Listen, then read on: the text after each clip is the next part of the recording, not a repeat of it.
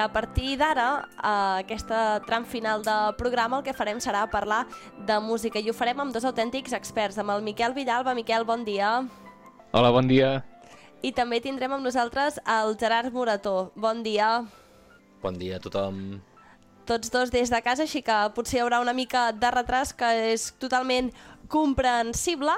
I bé, abans de, abans de començar a parlar de, de, de Nadales, el que volem fer una mica és conèixer-vos. Vosaltres sou dues persones que sempre heu estat molt lligades a la música, no, Miquel?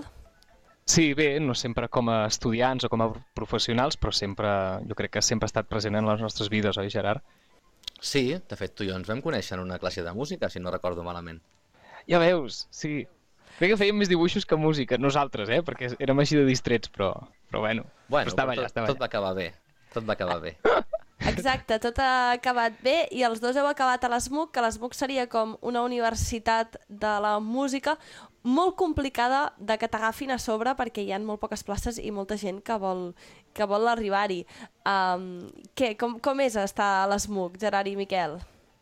Ospa, quina pregunta tan, tan genèrica. Bé, vam Perdona, tenir no, no, doncs sort, vaig a fer suposo. una pregunta més específica. També hi ha la Rosalia. Com és compartir um, escola amb la Rosalia? T'agradarà més aquesta pregunta, Gerard? Ah, ostres, amb la Rosalia no, no vam arribar a coincidir-hi, almenys que jo, que jo recordi, uh, crec que no, no vam coincidir en, en l'espai-temps. Però, però sí, sí, és veritat que la Rosalia va, va estudiar a l'ESMUC. Uh, em, em consta que va estudiar-hi flamenc. Uh, en canvi, jo vaig estudiar música clàssica i el, igual que el Miquel, que també va estudiar música clàssica. Però sí, sí, branques diferents que totes uh, s'estudien, diguéssim, al, al mateix centre. En el teu cas, Gerard, t'has centrat en, la, en el piano i en el cas del Miquel en la, en la direcció. Ara que ja us hem conegut una mica més, a veure què ens ensenyareu durant, durant aquests dies, de què parlarem? Bé, doncs parlarem de les de moltes cançons de Nadal, algunes seran Nadales tradicionals i les altres seran més, més modernes. I n'explicarem doncs, això una mica el context, um, en el que es van escriure, coses del text, aspectes musicals, ens farem una mica els repel·lents, com de l'anàlisi musical, i uh, res, els comentarem perquè la gent en sàpiga una mica més d'aquestes cançons. Els repel·lents fins a un punt, eh? O sigui, vull que tothom i tots ho puguem entendre bé el que aneu dient, eh? O sigui, que si dieu alguna paraulota jo us aniré frenant i dient, eh, això, to sostingut, no sé el que és, expliqueu-nos-ho. Fantàstic, val, cap va problema. molt bé.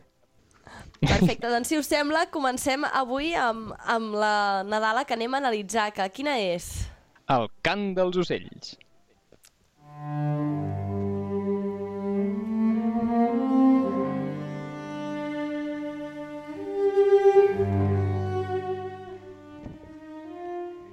Veig la Clara amb cara de... Però això és una Nadala o què? Exacte, o sigui, em, no em sembla que el cant dels ocells sigui una Nadala més aviat. És una cançó d'enterro, no? I, i, potser, I potser també et penses que, que és d'en... Aviam, no, no, no farem spoiler. Eh, De, de, qui va compondre el, el cant dels ocells, Clara? El cant dels ocells el va compondre Pau Casals, lògicament, amb el seu violoncel. Mec. Negatiu. Perquè, a veure, a veure, provar. un moment, o sigui, estem parlant del de el cant, el cant dels ocells, la cançó que avui estem analitzant, i ja m'esteu dient, primer, que és una cançó de Nadal, que no, que no m'ho sembla, i després que no és de, és, que no és de Pau Casals. Què més hem de saber que no, que no és cert? bueno, No, res, però la veritat és que és una cançó molt antiga. Um, en realitat, fixa't en la primera estrofa que diu en veure despuntar el major lluminar en la nit, en la nit més ditxosa, que és la nit de Nadal, la nit ditxosa aquesta, diu, els ocellets cantant, a festejar-lo van amb sa veu melindrosa, a festejar-lo aquí, el Jesús que acaba de néixer. I de fet té, té almenys 15 estrofes que es coneguin aquesta cançó i cada una parla d'un ocell en concret que se'n va a veure això, l'establia i com està el panorama allà i fa el seu comentari o hi posa la, hi posa la seva part. Diu, per exemple, una altra estrofa que diu cantava el passarell o que formós i vell és l'infant de Maria i diu l'alegre tort, vençuda n'és la mort, ja neix la vida mia. En plan, com que sem cada un fa el seu comentari respecte al naixement. O sigui que... I apareixen El... molts més ocells, apareixen molts més ocells, uh, molts dels quals jo personalment no havia sentit mai a parlar. Tinc aquí davant la lletra, i apareixen uh, el francolí, uh, el gaig, el, el, o la, el suposo, cotoliu, l'est- l'estiberola, Uh, vull dir que a, a través d'aquesta lletra es pot aprendre també una mica d'animals. Sí, sí, sí, biologia també, aquí ho tenim tot avui, musicologia, biologia, avui podem aprendre, aprendre de tot amb el cant dels ocells. I què, què més ens hem de fixar d'aquesta cançó? De, que no és de Pau Casals. Un moment, de qui és, doncs? Ah, aquí volia tornar-hi un momentet.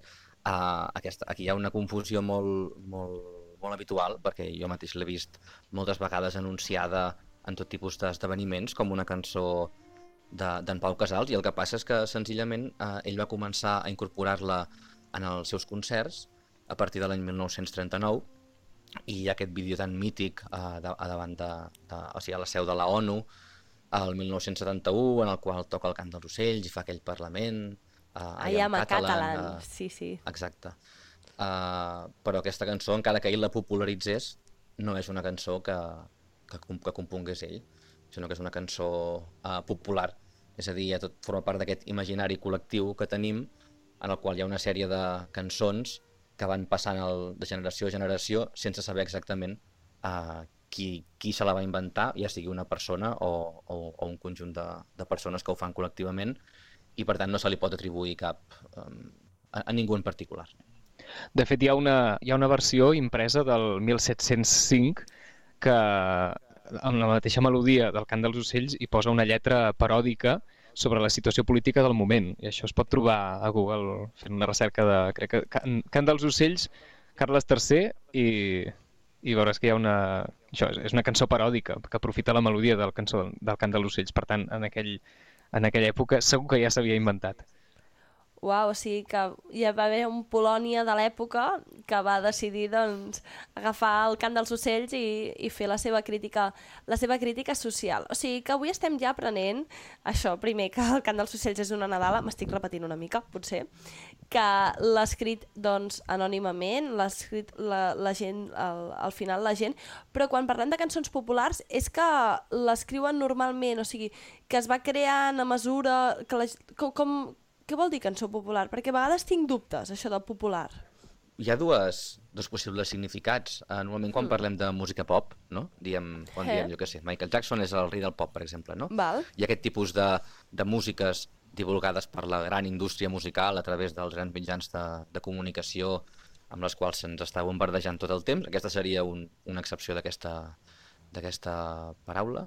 I després hi ha la música sense autor conegut que s'ha transmès a través de la, de la tradició oral de cada, de cada zona del planeta en particular. I aquí és on, és on formaria part el, el cant dels ocells. D'acord. I bé, um, per tots aquests analfabets musicals que tenim ganes de que el Miquel Villalba i el Gerard Morató ens il·lustrin una mica, vull alguna explicació musical de la cançó, si plau.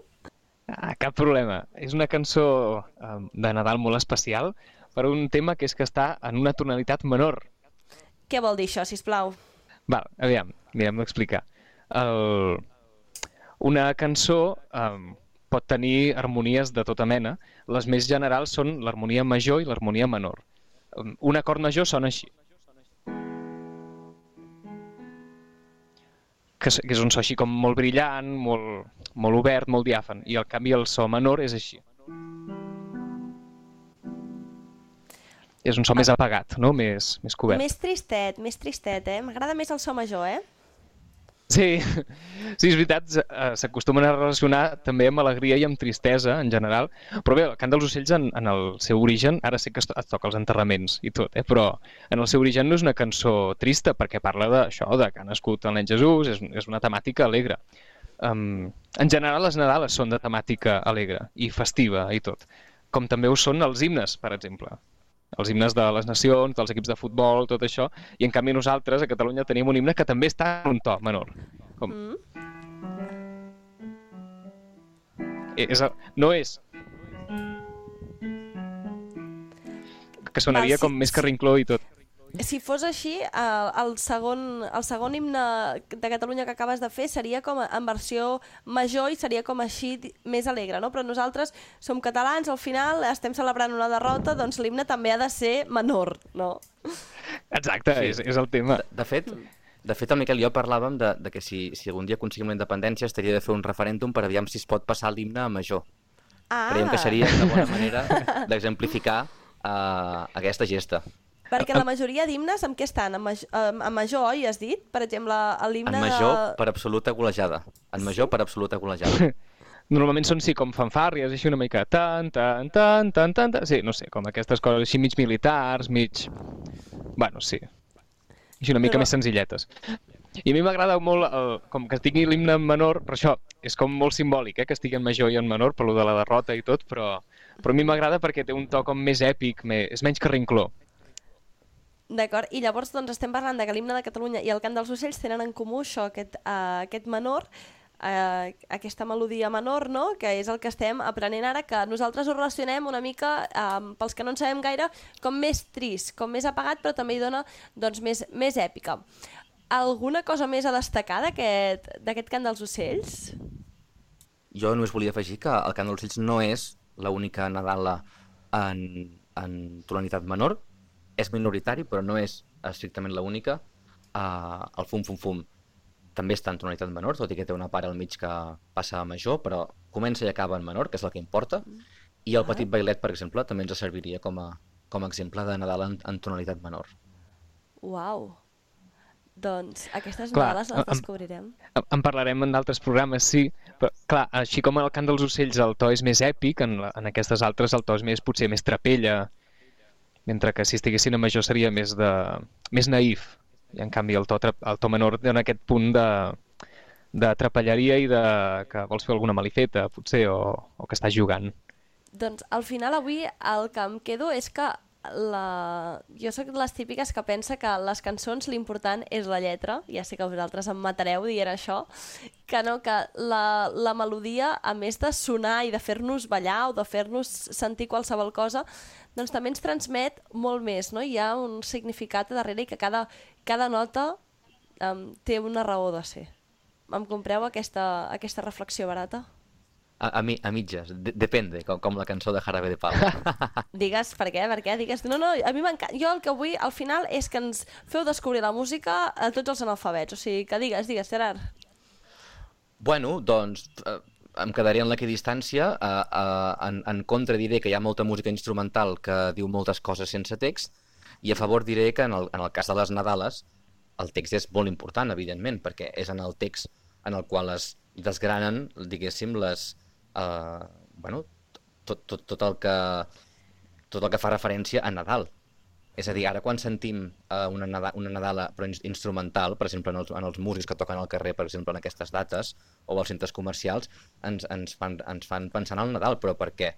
La lletra ja està in, intrínsecament lligat. Si, si, només sentíssim... Ra, no pensaríem en, en Nadal si no, si no estiguéssim pens... si no coneguéssim la lletra d'aquesta cançó. Per tant, en el cas de les Nadales, evi- evidentment el text eh, està intrínsecament relacionat, sí, sí. Miquel, de què, de què parlarem a partir de demà, per exemple? Sí, bé, parlarem d'algunes Nadales més tradicionals, parlarem d'algunes coses que no ens agraden d'aquestes Nadales, i d'altres de que sí, i, i també algunes de més, em, de més modernes, de més com relacionades amb la música pop, i bé, cançons del, de l'univers nadalenc en general. Però ja ho anireu veient.